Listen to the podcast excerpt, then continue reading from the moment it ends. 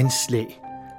Det vil sige at slå en tone an, at antyde en stemning, at sige sin mening, sådan som forfatteren og journalisten Jacques Berg nu sidder parat til i sit landsbyhus i Provences Løberonbjerge med uddrag af sine daglige notater fra perioden 2017 til 2019.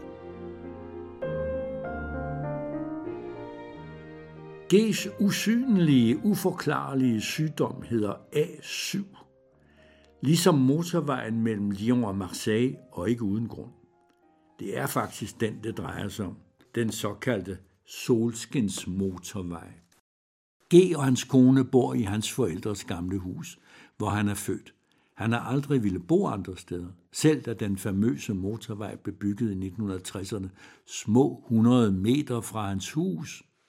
G er i dag 80 år. Han klager over alle tænkelige sygdomme, som han ikke fejler. Han er sortseer, skidt tilpas. Ingen ved, hvorfor G i lange tider har ventet sig det værste. Han går regelmæssigt til læge for at undersøge dit og dat, men de finder aldrig noget. Han er i fin form, men han lever som en fordømt. Forleden var familien samlet i anledning af hans kones 80-års fødselsdag. Efter frokosten på en restaurant tog alle med hjem til et sidste glas limonade, som de gør her på egnen. Omkring det lange bord med den mørkerøde du er vi en snes personer forsamlet. Som traditionen også vil, er det de stærkeste stemmer, der dominerer og bestemmer samtalens emner. Under den svagt oplyste dagligstues vælving må den reservedel, jeg udgør blandt bønder og småhandlende fra Drome og Vaucluse-departementerne, spørge sig selv, om han er den eneste, der mere føler sig som til en lige vågen. Da jeg går udenfor for at lette mig og må stå lidt under efterårets støvregn, går der op for mig, hvad G egentlig lider af. Lyden fra motorvejen er øredøvende. Selv en søndag eftermiddag i oktober, hvordan må det så ikke være i juli og august? Jeg kan faktisk ikke høre mig selv pisse. Næsten hele livet har G fortrængt den ubeskrivelige smerte fra A7. Larmen, så tæt på, dag og nat, har ødelagt hans daglige tilværelse. De er ikke desto mindre blevet boende, har valgt at stille op mod det absurde. Den slags kan kun ende med at gøre skade. Den daglige og aldrig stansende aggression, 24 timer i døgnet og syv dage om ugen. Kroppen tager imod, tanken kvases, ingen psykologisk balance kan holde til det. G kunne se ud til at klare mosten, men indeni, dybere nede, er han antastet, støjbesmittet. Det er jo ikke noget liv. Så derfor opfinder han hele tiden sygdom, for der må jo være en grund til, at han har det dårligt. Familien er endt med at kalde ham hypokonter. Alle smiler indforstået. Har lægerne ikke fundet noget? Det forstår G ikke. Han må forklare dem misæren. De må da kunne indse, men G er heller ikke nogen indbildt syg som hos Molière. Han spiller ikke komedie. Hans usynlige lidelse er reelt nok. Den slår ham ihjel langsomt, men sikkert. Jo mere han føler sig på skrånende grund, jo længere glider han ned. Inderst inde ved hans kone og de andre i familien udmærket, hvorfor G altid er træt og irritabel, hvorfor han tit mister modet, beklager sig fra morgen til aften, men ingen vil tale om det. De mennesker er i forvejen mest tavse typer, men her er det selve emnet, der er forbudt. Ingen må berøre det, for der er jo heller ikke noget at stille op. Det er den dramatiske hårknude. Alt skal forblive usagt. G vil sikkert afgå ved døden i en fremskreden alder. De bliver meget gamle i hans familie. Alle går rundt og siger det sædvanlige. Han kommer til at begrave os alle sammen. Det bliver ikke til at sige, hvorfor han dør. Hans lidelse vil forblive usynlig lige til det sidste. Det hedder sig, at trafikken slår ihjel, så behøver man ikke at klandre de kørende. I G's tilfælde er det helt rigtigt, at trafikken slår ham ihjel, pø om pø. Vold taler ikke, skriver Gilles Deleuze, filosof.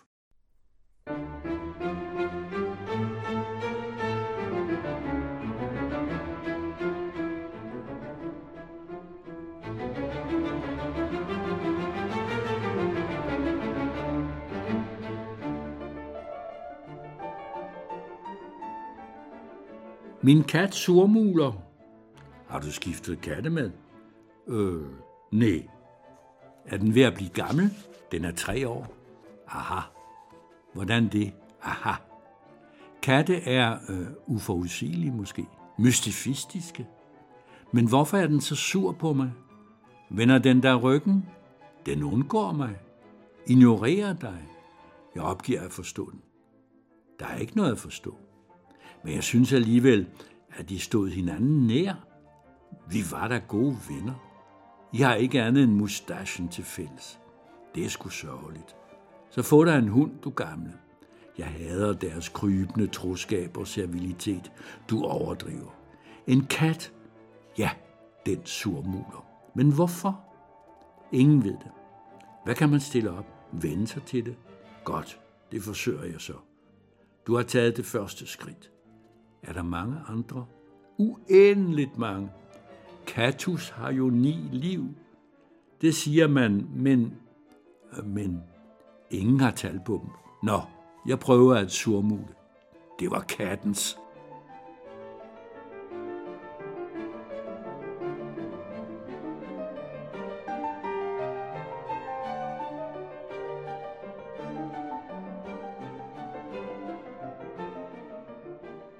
Inden jeg er færdig med demokratikenderen Pierre Rosanvallons sidste opus, tillader jeg mig en hjemmestrikket tanke. Den monarkiske republik Frankrig er navnlig demokratisk ved sine politiske institutioner og langt mindre på det sociokulturelle plan. Som sådan lægger landet sig tæt op af sin historie og sin geografi, sit korpus, for nu at sige det sådan. Det er som bekendt halvt germansk og halvt latinsk, så hvordan skulle Frankrig kunne andet end at nedkomme med et bipolært politisk apparatur? Alt er således i den skønste orden. En nation, hvis politiske system svarer nøje til dens fortid og territorium, er en ideal nation. Tiden er jo i overensstemmelse med sig selv – nu mangler man blot at få franskmændene overbevist om, hvor heldige de i grunden er.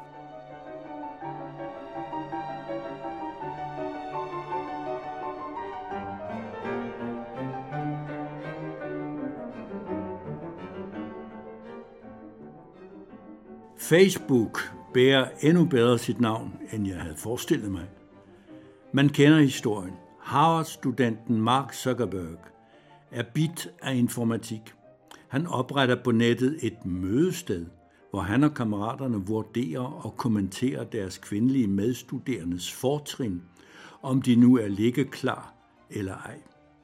Det hele for sjov selvfølgelig. Facebook, bogstaveligt ansigtsbog, skulle ikke andet end give de unge begavede mennesker lejlighed til at harcelere maskulint, godmodigt over for pigerne, de blonde, de rødhårede og brunetterne – Lidt ligesom man bedømmer avlskvæg på dyrskuet. Hvad jeg ikke vidste er, at Zuckerberg, Zuck, hakkede universitetets arkiver for at skaffe fotos af de unge damer. Fundamentalt har Facebook ikke ændret tankegang eller metoder siden oprettelsen. Her stifteren samt direktør for det, der med tiden er blevet et verdensomspændende kommunikationsnet med over 2 milliarder brugere, fremmumler sine utallige undskyldninger for misbrug og fejl, da han er til afhøring i det amerikanske senat, eller bare høring. Men samtidig organiserer hans næstkommanderende bekostelige modangreb for at få lukket munden på de kritikere, der våger at betvivle Facebooks gode vilje til at holde en vis moralsk linje. I virkeligheden gør Zuckerberg det samme som Ungarns premierminister Viktor Orbán, der opkøber hele oppositionspressen for at være sikker på at kunne kontrollere den. Facebook har allerede bidraget til at få Trump valgt ved at sælge algoritmeportrætter af millioner af followers til et britisk bureau med speciale i at påvirke vælgere, uden at de opdager noget. Alene den slags manøvre burde være tilstrækkeligt til at få lukket bæksen. Men i stedet kan virksomheden fortsætte med at give plads for verdens mest destruktive kræfter. Fascister, racister, antisemitter, sexister, fake-mager af enhver art, for uden andre med gak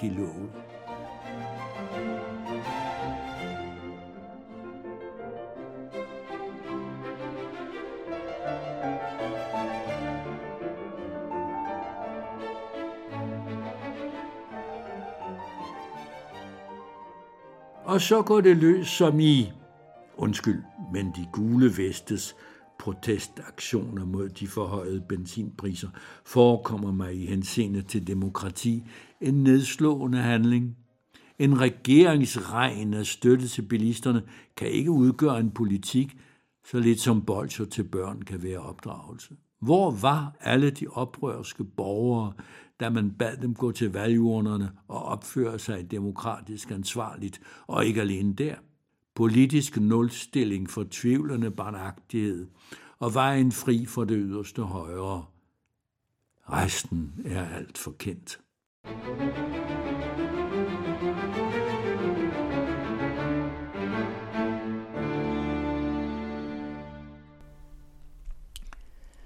Det er Jesper Tang, der tilrettelægger anslag, og musikken var uddrag af tre klaverkoncerter af Bach, spillet af pianisterne David Frey, Jacques Rouvier, Emmanuel Christian og Audrey Vigoureux med strygerne fra Capitol Orkestret i Toulouse.